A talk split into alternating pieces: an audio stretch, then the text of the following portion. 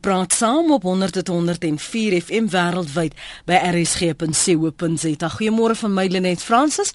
Lekker om met jou vanmôre te kan gesels.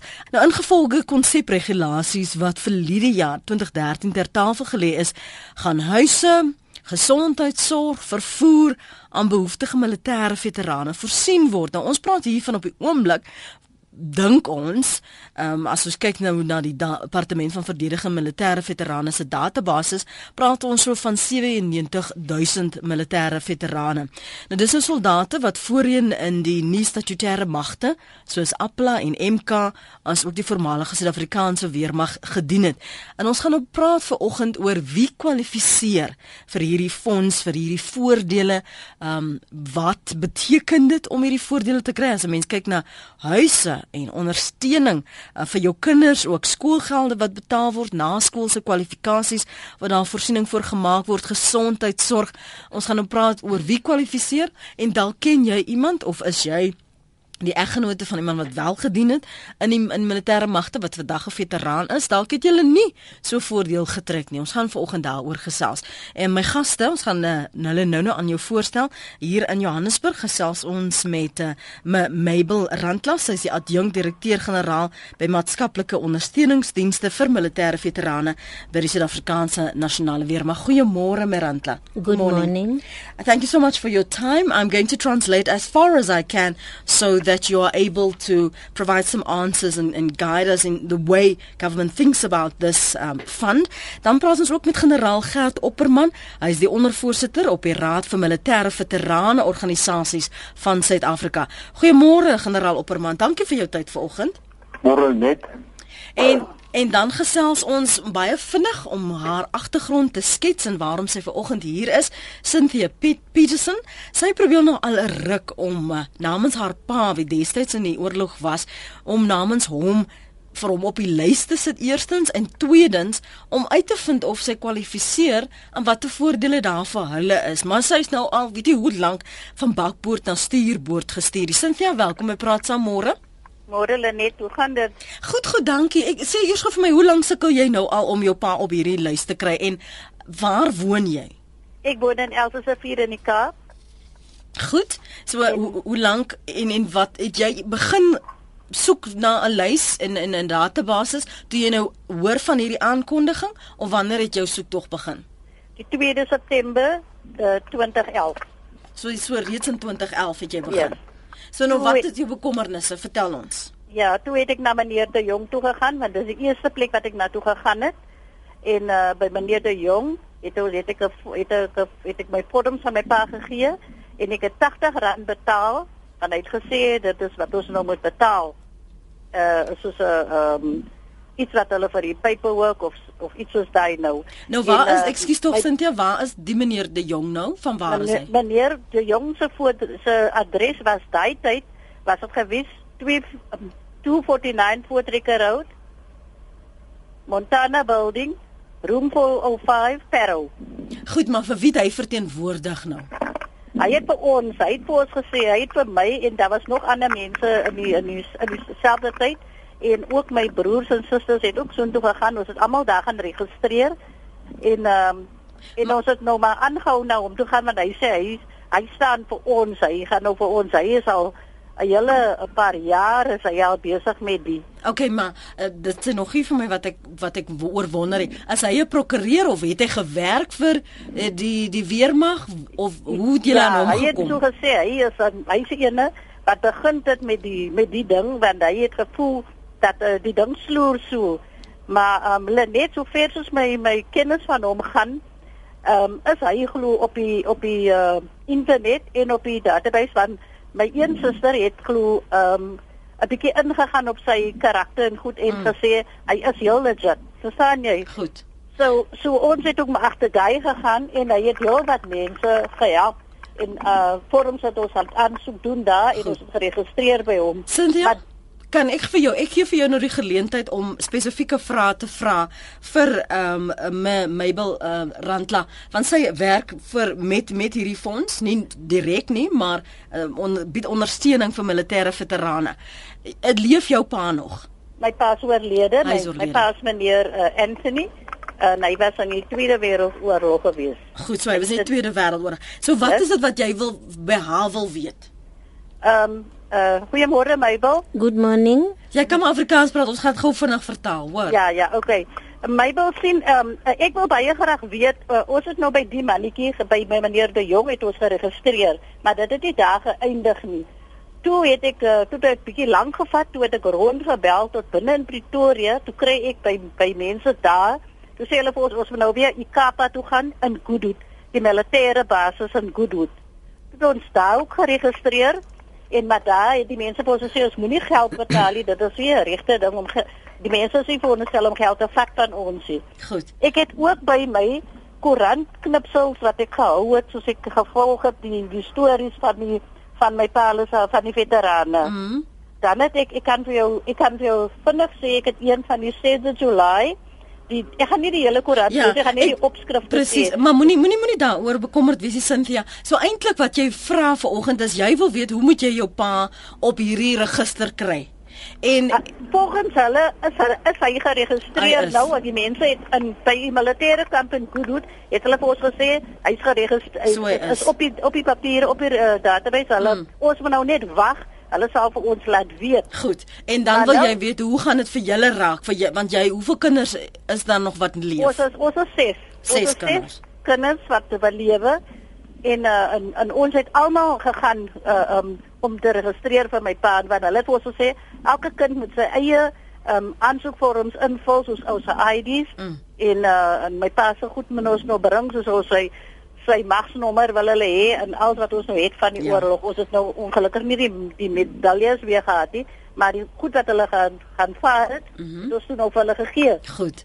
En dan het ek ook ehm um, wat ek eintlik wil vra is Mabel, as is dit net ek alleen net soos my Mabel weet daar's baie ander mense wat ook gegaan het. Ek het net gevoel ek wil uitvind waar na toe gaan ons hier vanaf van ons was nou altyd by die kasteel ook in die stad. Daar het hulle ook mense laat invul goedes. En dan sê hulle net elke keer as ons hulle gee vir ons nommers om te bel en dan bel ons dan is dit die nommer beskikbaar en skielik as jy weer begin bel dan is daar nie meer kontak nie. Soos ek het nog 'n uh, uh, nommer van die kasteel ook gekry. Ja. Cynthia, ons gaan ons gaan hom daar laat. Um, ek dink wat jy vanoggend opper, eh, jy's op die regte plek eerstens en tweedens is dit vra wat ander mense wat net soos jy gesukkel het, wat hulle ook waarskynlik sal weet. Kan ek jou vra om verder by die radio te luister? En ons sal hopelik aan die einde van vanoggend nog ook 'n nommer kan gee wat nou gaan werk elke dag as jy hom sou skakel. Baie baie op, dankie hoor. Wat is stasie moet ek nou by die radio? By RSG, dis tussen 100 en 104. Hulle net ek sê vir jou baie dankie man, laat jy vir laat want ek gaan daar's baie ander mense wat dit sal baie baie waardeer ja. en dankie vir julle tyd en dankie dat julle ons gaan ek hoop julle kan ons bietjie help ek en inligting so. gee. Ja, kry mos die stasie 100 tot 104 en sê vir die ander mense hulle moet sommer nou inskakel dat uh, ons vir Mabel Randla kan vra wat die volgende paar stappe is. Dankie vir jou baie, tyd Cynthia. Baie baie dankie man. Mooi bly. Baie dankie, né? Lekker dankie dag. vir jou ook. Totsiens. Dis Cynthia Petersen wat so gesels. Ons praat ver oggend oor daardie fonds wat beskikbaar is vir uh, militêre veterane. Laat ek gou eers vir generaal Gert Opperman hier in kry. Hy is die ondervoorsitter op die Raad vir Militêre Veterane Organisasies van Suid-Afrika. Het ons te lank gewag met die tipe hierdie soort voorgestelde ondersteuning wat nou beloof word vir militêre veterane generaal? Net daar baie groot verwagtinge geskep aanvanklik en in die aard van die saak het mense gewag vir prestasie. Maar met die werklike implementering na die aanvaarding van die militêre veterane wet in 2011 is daar nog heel wat voete gesleep maar uiteindelik lyk dit vir ons die departement van militêre veterane sake hulle sake begin in orde kry en ek dink die uitreiking van die regulasies rakende die verskillende voordele as ook nou die um, uitnodigings vir mense te nomineer om op die appelraad en op die adviesraad te dien verteenwoordig voorwaarts stappe en ek vertrou as ons dit nou kan koppel met die vinniger opdatering van die database dat dit nou wel sal lei tot 'n nuwe fase van prestasie en nie net van beloftes nie. Kan ek net gou vir jou vra vir ons die agtergrond te skets want van van wat praat ons nou van alle militêre veterane ongeag en watter oorlog jy gedien het en wat is die omstandighede in waarin hulle hulle bevind het dat ons nou sê maar dan moet nou gekyk word na huise dan moet nou gekyk word na gesondheidsorg dan moet nou gekyk word na hulle kinders byvoorbeeld Dit is basies diens wat die militêre veterane in belang van die land gelewer het. Sy as lede van die statutêre magte, dis die verskillende weermagte wat bestaan het, of dan die nuwe statutêre magte of dan ook in hulle woorde bekend as die bevrydingsbewegings. Daar word gevoel dat hierdie persone het jarelange opofferinge gemaak as gevolg van hierdie diensverpligting, lyk like, by die diensverpligting, die loopbaan ook wat hulle gekies het, dat hulle en hulle gesinne groot ontberings uh beleef het in die proses dat van hulle nog die effek van posttraumatiese stres uh moet verwerk ook ander fisiese skadigheid en dat hulle benadeel was en dat die staat nou op hierdie manier vir hulle wil dankie sê vir wat hulle gedoen het en ook vir hulle wil help om met 'n nuwe menswaardige bestaan te begin. Laat ek onmiddellik sê dit is nie alle militêre veterane wat daarvoor kwalifiseer nie. Daar's in elke geval is daar sekere kwalifiserende vereistes wat gestel word en die gedagte is eintlik om die wat nie hulle self kan help of die wat werklik hulp behoevend is te help. So daar is besliste kwalifikasies waarvan die belangrikste is, die een dat hulle name op die database basis geregistreer moet wees en dan die tweede een is dat hulle nie bo 'n sekere vlak moet verdien nie of dat hulle moet uh, pensioen hê of uh, dat hulle uh, afhanklik moet wees van staatsop. Hulle moet hulle self basies nie kan help nie mm. of hulle 'n baie beperkte vermoë om hulle self te help en dan is die staat bereid om wel hulp te verleen. So as jy sê van van beperkte ehm um, in, in staat om hulle self te help, bedoel jy ehm um, geldelik, finansiëel, waarna verwys jy spesifiek? Wel dit hoef nie net finansiëel te wees nie, as ons byvoorbeeld kyk na die een voordeel wat te doen het met die hantering van uh, geestesongesteldheid mm. en uh fisiese ehm uh, skade wat 'n persoon opgetel het, uh posttraumatiese stres Uh, dan is dit nie noodwendig, dit is nie noodwendig geld verwant nie. Dan gaan dit oor die mediese sertifikaat, die mediese waardering wat gedoen is oor die persoon se toestand. Mm. En in daardie geval kan die persoon self of iemand namens hom in openbare belang of sy organisasie aansoek doen dat hy die voordeel moet kry. So hier is dit 'n ander kategorie. Maar in die meeste ander gevalle is daar die beperking dat 'n persoon moet of staatspensioen ontvang of hy moet werkloos wees of hy moet onder 'n sekere vlak verdien per jaar as hy werk. Goed. Dit kan baie tegnies wees, maar dit word nou gelukkig in die nuwe regulasies per voordeel uitgespel. Mm. En ek dink dit bring groter duidelikheid oor wat moontlik uh na die persone wat wel geregistreer is op die database hulle kan toe kan gaan. Ons kan nou verder praat oor hoe julle byvoorbeeld in die verlede veterane gehelp het. Ek wil net vir Mabel Randla uh, hier intrek met die gesprek. We were talking about uh, earlier we'll, we'll, you you got the sense of what uh, Cynthia said and her question is really representative of what a lot of other uh, family members and spouses and, and offspring wonder about is how to get their family, the father, whoever's deceased, uh, the veteran on those lists. But we get, get to that in a moment. The implementation of this fund, what necessitated it?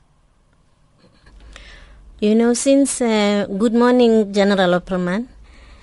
Since 1994, when everybody came back from uh, different parts of the world in terms of the liberation war and got back into South Africa, um, it was expected that uh, military veterans from liberation forces, including statutory forces, would all be um, looked after by government, especially those from uh, liberation forces, hmm. simply mm. because, unlike those from statutory forces, they were not receiving remuneration for military services throughout the liberation war.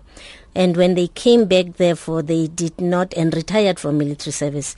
They had no retirement plans. Uh, they they had no houses, nothing that they, that they had to air for themselves and their families. And since 1994 up until 2010 or 20, uh, 2009, when the department was established, um, there really wasn't concerted government a, concerted government program to assist all those who came back from war. And as a result, we found that a whole lot of military veterans, and again, especially from those uh, from non-statutory forces, live in abject poverty as we speak. And it is when the government realized and saw that uh, that it was decided that a department be, be established to make sure that it takes care of those military veterans. Throughout the years, though, a number of uh, uh, government structures, like, like, some municipalities, some provincial depart- departments did the best they could in terms of su- uh, supporting military veterans. However, uh, there was no allocated budget for this kind of work. They did that uh, as best they, they, as they could from whatever meager resources they had. And establishment of the department meant, therefore, that government would be able to allocate some resources uh, to take care of uh, uh, military veterans. Mm. So that's what necessitated the establishment of the of the military uh, veterans department as well as the allocation for benefits provisioning. Has has there been any communication with the veterans in terms of where to register, where to go? Because if you gauge from Cynthia's um, search to have a father registered, everybody's having a different version of what the truth is. Mm. Uh, has there been a clear directive that this is the way this is going to be implemented? This is the funds that's going to be allocated. How are we going to reach out to them? Where are they? Particularly if we're talking about the amounts that of veterans that you have on the database now, where are the rest of them? Mm-hmm. I think you'll appreciate that there's a new department. The department is only about three, four years old now. Um, we had to worry about setting up a whole lot of systems before you even start communicating efficiently to say this is who we are, this is uh, how the processes would would unfold. Mm. All that had to be put in place uh, uh, before then. But just to set the record straight, when the Department of Military Veterans was uh, established, it it uh, received from the Department of Defense a database already created on, on, on, for military veterans. That database has approximately 57,000 names or so. And that database, when we looked at it as a department, when we started actually preparing mm. uh, for to, for implementation of the new Military Veterans uh, uh, Act, we realized that the, the database did not give us a whole lot of information that we needed when we started work, when we would start work in terms of implementing the Act. And therefore, it necessitated that we go out to make sure that military veterans on that database are able to update their information on the database. And we did that uh, countrywide. And I think when Cynthia talks about registering those, that would be one of the things that we did that perhaps uh, also created uh, confusion there. Uh, but that exercise enabled military veterans who then came forward to update their file, their files indeed to do that. A good number of military veterans also did not use that opportunity to update their files. So, uh, uh, whilst a good portion of, of, of, the files on our database are, are are updated. We still have to uh, encourage military veterans who have not updated to still do that. Um, so that's one one registration that mm. it's not registration, but it is looked at as registration. It was just update of of, of information. Then, in terms of uh, and when we did that exercise uh, of updating information in the database, what then happened was that a whole lot of people out there uh, who regard themselves as military veterans are not were not on the database also came forward to to uh, complete those forms.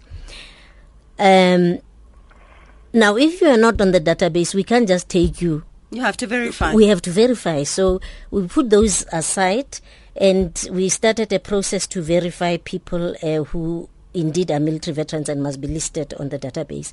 That process ran for six months last week. We last year, sorry, we will pick up again in from April uh, uh, moving forward uh, to make sure that we give as many military veterans a chance to go through that process.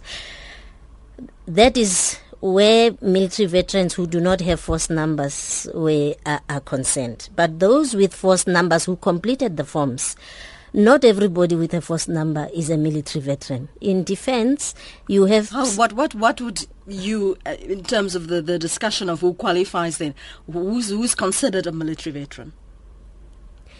A military, in, a military veteran is somebody who has uh, uh, fought in, in, in, in war, has trained and fought in war. Oh, you're talking about specific wars here?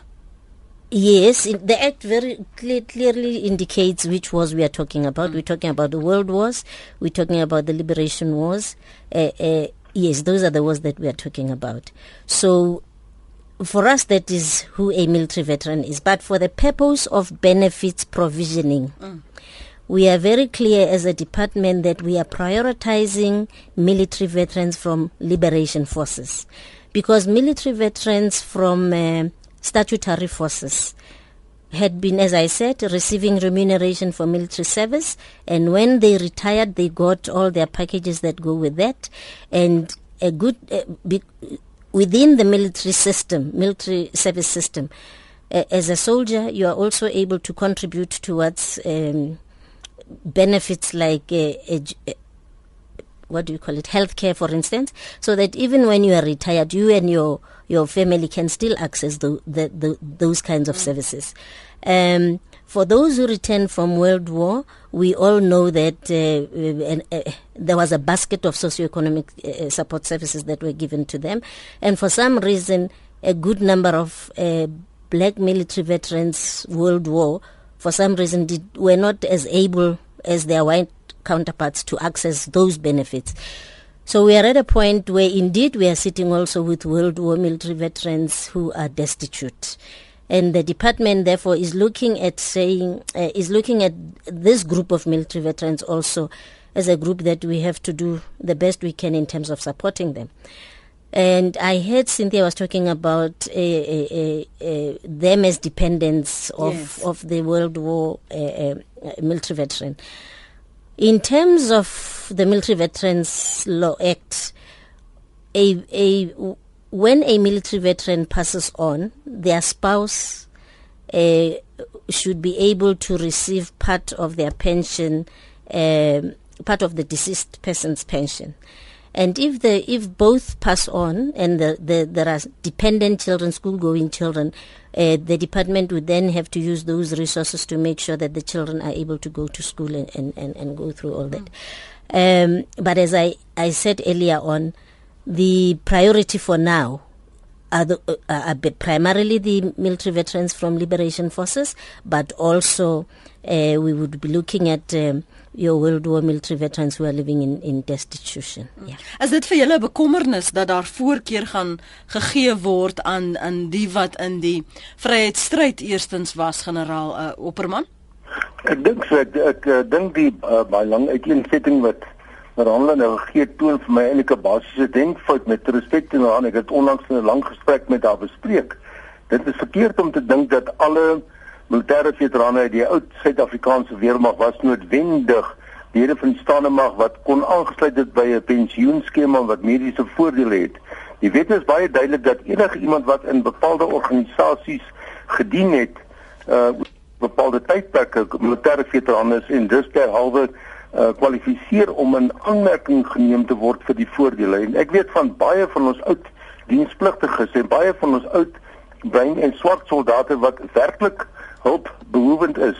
En as gevolg van hierdie benadering van die departement om die oud nie statutêre magte te bevoordeel, dink ek het hulle 'n blinde kol vir die uh, werklike nood wat bestaan onder veral die ou uh, bruin en swart soldate en ook uitdienspligtiges wat wat werklik uh, die, die, ons almal se steun en ook waardering verdien vir wat hulle gedoen het. Ek is bekommerd dat die departement uh, in hulle kommunikasie na buite steeds eintlik dit laat deurskemer dat hulle denke het van dis die staande maglede wat bepaalde voordele kry versus die nie statutêre magte wat nie die voordele kry nie.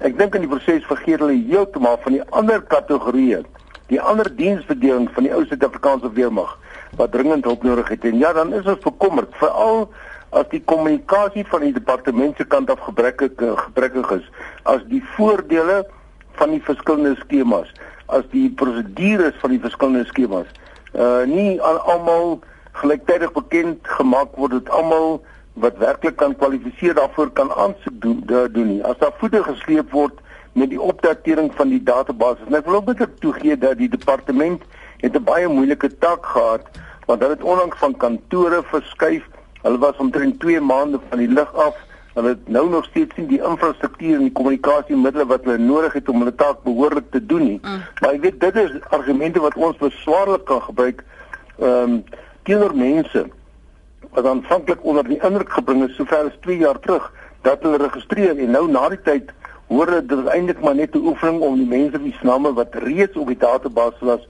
om dit op te dateer. Daar is dus ergens nog groot stapels vorms wat erns lê mm. wat nooit verwerk is nie omdat die mense se name nie op die database geplaas is nie. Nou ontstaan die vraag wat word gedoen om dit op te dateer? Hoe gaan hierdie proses bespoedig word? Uh, ek hoop die departement en ek hoop uh, Miranda kan dit vandag doen om in openbaar te sê dat die onlangse gerugte wat van die departement af gekom het dat uh, die name van die splugters van die database uh, afgeneem geword dat dit onwaar is dat dit gebaseer is op uh, swak geformuleerde stellings of kom, kom interpretasies. Kom kom ons vra kan nie toelaat dat hierdie verkeerde persepsies in die lug hang en die departement weer lê dit nie. Kom kom ons gee vir 'n geleentheid om daarop te reageer that there has been rumors that some veterans names have been removed. No, we have not removed uh, any military veterans names from any from our database. When we do so, it will be for a very good reason and it will be communicated to those military veterans uh, who are being um, removed from from mili- from the database. Um, but at this point in time, as as far as we know, we haven't received uh, uh removed anybody's name from the database. But I think uh, uh if I understood uh, General correctly, he also was talking about communication, the that, department's yes, communication. communication strategy for one, and also infrastructure. And he, he says he commensurates that, that that yes, it has been difficult for the department to really find its feet, but that is not an adequate excuse to delay what has been promised if we look, we're now in 2014, and we were mentioning, and this was mentioned in 2011. Okay. Just to say, yes, in, in terms of communication, I think as a department, we, we could have done a lot better. We did not communicate as efficiently as we should have.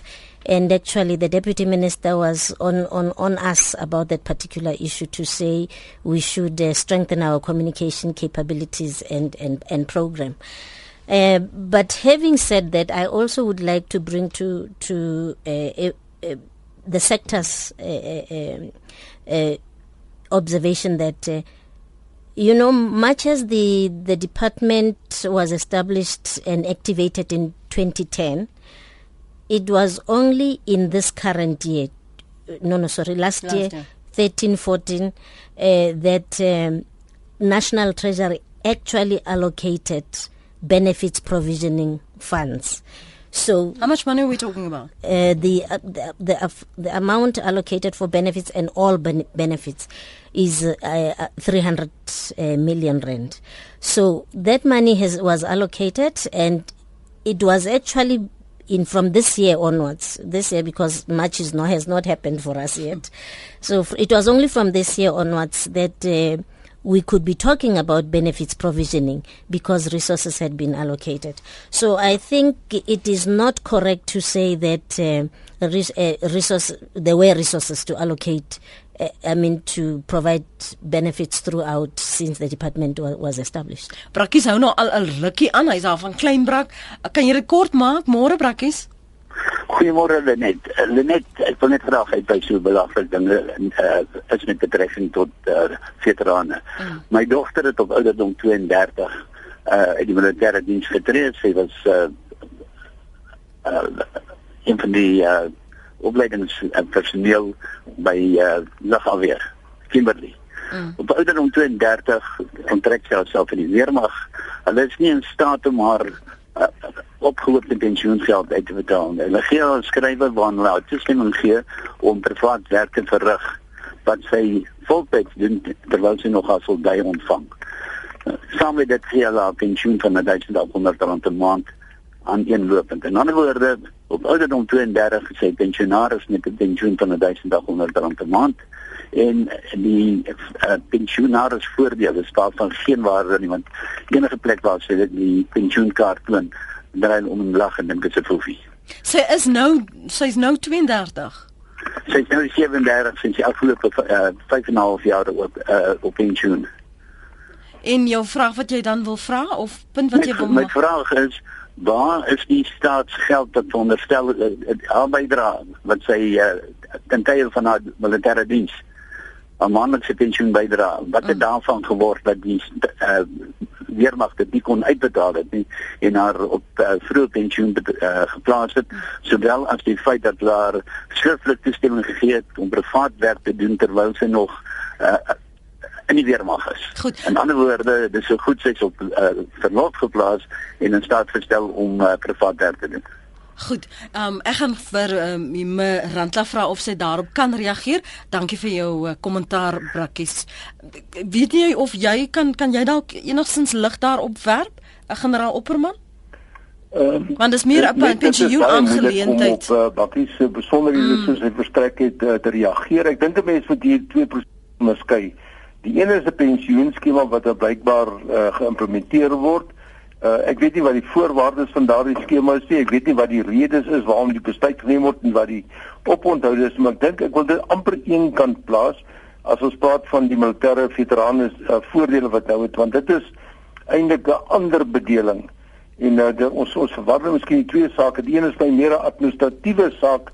Ehm um, die wat die ander nou meer hierdie beginselsake is en die voordele vir die mense wat nie die uh, in die verlede eintlik dan nou uh, benadeel is of wat oomblik nie ander uitweg het nie. Mm. Ek dink mense moet besef dat as jy nou gaan praat oor individuele gevalle, gaan jy natuurlik baie gevalle kry van swak administrasie, ja. swak implementering uh on, onvoldoende deernis wat uh, getoon word en dan verstaan ek die frustrasie van 'n persoon soos Bakkies uh, ook namens sy dogter. Uh, ek weet nie hoeveel sou die pensioenskema op ouderdom 32 uitbetaal het en wat die verwagting is wat uh, sy gehad het nie, maar dit is my baie moeilik om in detail te reageer op grond van wat hy gesê het.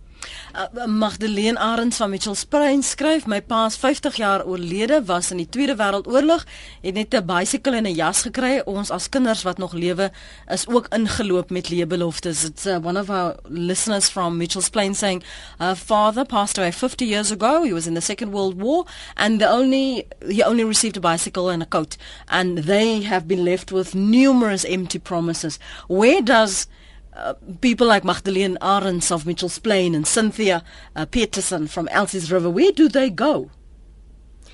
As I indicated uh, earlier on, if your father, if you are a dependent of a World War military veteran, um, you would have to, and you are a dependent. In the sense that you need to be taken care of you if they were alive they would have had to take care of you but we are talking about most of the time when we talk about when we talk about dependents of or, or, children of World War military veterans. We are talking about adults my age, and and therefore for for the purpose of benefits provisioning, those are not dependents. Uh, but if they had little children who still go to school, indeed, the department's uh, responsibility would be to assist in that kind of thing and to make sure that the children do get uh, that kind of support. Net voor u gaan, Brigadier Generaal Opperman, die soort ondersteuning wat julle voor die aankondiging van hierdie uh, hulpondersteuningsfonds voor dit aangekondig is, wat het julle gedoen en hoe kon julle uh, militêre veterane help as die Raad van Militêre Veterane Organisasies van Suid-Afrika? Ehm um, net die Raad van Militêre Veterane Organisasies is niks anders as 'n koördinerende liggaam van die verskillende militêre veterane organisasies. So hy beskik nie oor eie middele of eie bronne nie, hmm.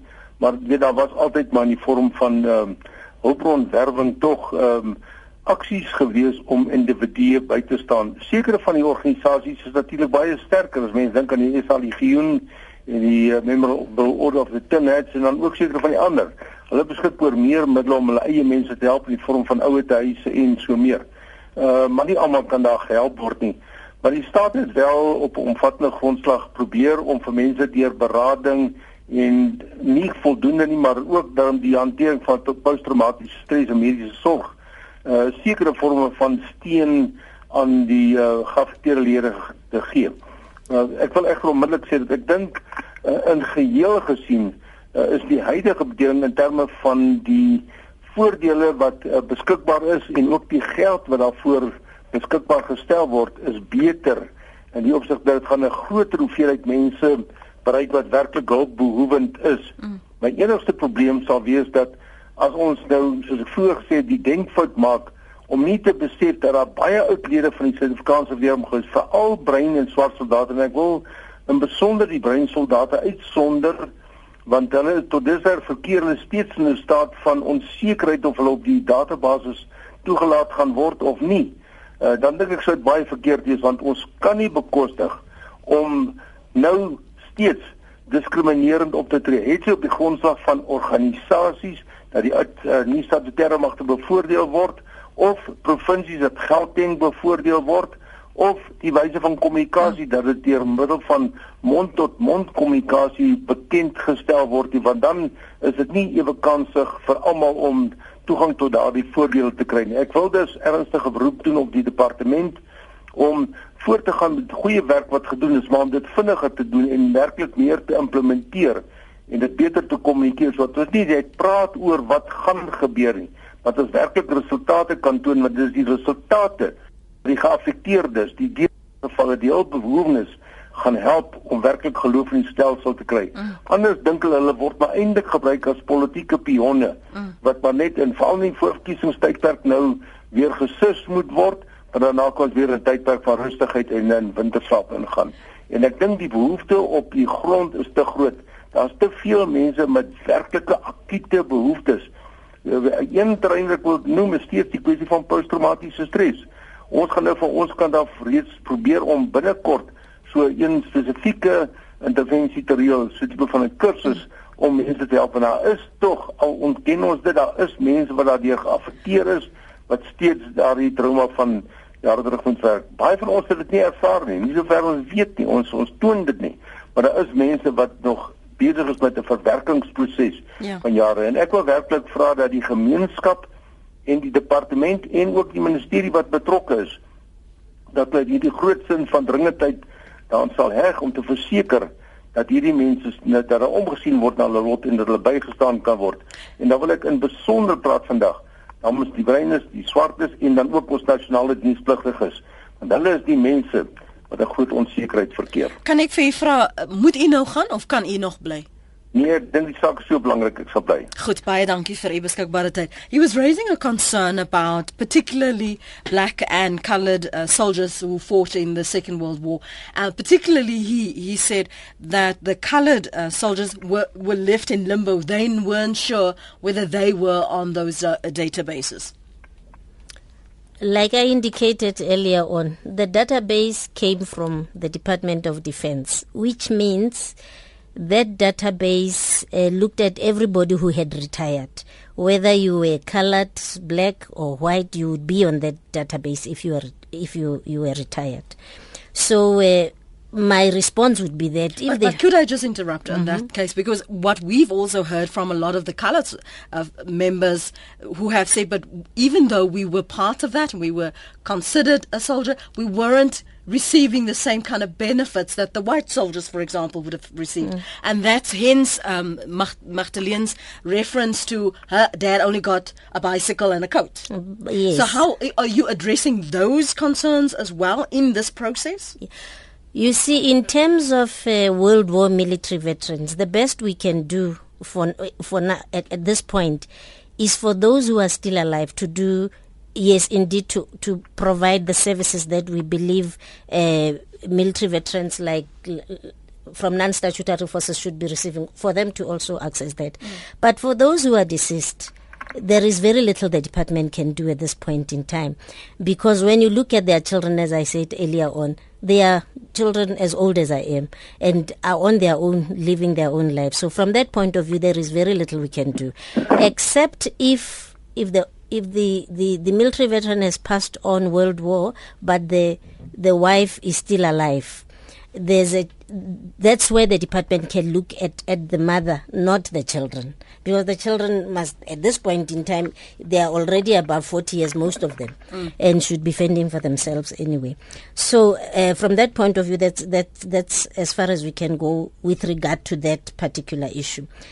I had I wasn't too sure, but I heard a, a general operaman talk about the database. I wasn't too sure what this database was all about, or, what you were saying about it. I would have liked to respond if I had understood yeah. that. Let me let me refer you quickly to some of the things that he said. That it that it's important to look at the needs on the ground. Firstly, because there are some of these veterans, and you pointed it out earlier as well, who are living in abject circumstances that, that they have absolutely nothing. And then he also said that as an initiative from their side, they've looked beyond just monetary assistance and they've looked at post-traumatic disorder, uh, stress disorder. And this is where I wanted to find out, is it only about the money or what other kind of support are you going to give these military veterans? Okay. No, no, it's not on, only about the money. Uh, it is also just yesterday, for instance, we were conducting um, group therapy, as in counseling services for, for military veterans. And in that kind of context, it is not money that is given to them, but but uh, wellness uh, uh processes processes that lead them to, to wellness. Obviously, post traumatic stress gets involved in that particular area. And I wanted to say to to to General Opperman, in terms of post-traumatic stress, as we know, the, there's a structure called the military pensions, which was established precisely to look at uh, military veterans who who were not necessarily professional soldiers, who experience uh, post-traumatic stress uh, disorders for them to access that particular program to get all the the, the, the treatment uh, they, they deserve in that particular context and perhaps we should be encouraging uh, those military veterans to access this particular uh, program mm. for their for their benefit. But I also wanted to indicate that in terms of benefits provisioning, I agree with uh, uh, General Opperman there's there's a lot of poverty out there and there are a lot of difficulties out there. The reality though in terms of benefits provisioning is that we cannot all at the same time give all military veterans all the support services that they all need. Uh, the Act itself is very clear in saying that uh, benefits provisioning will be progressive, uh, and therefore it says at some point we will be excluding some military veterans and moving on to assist others as we move on.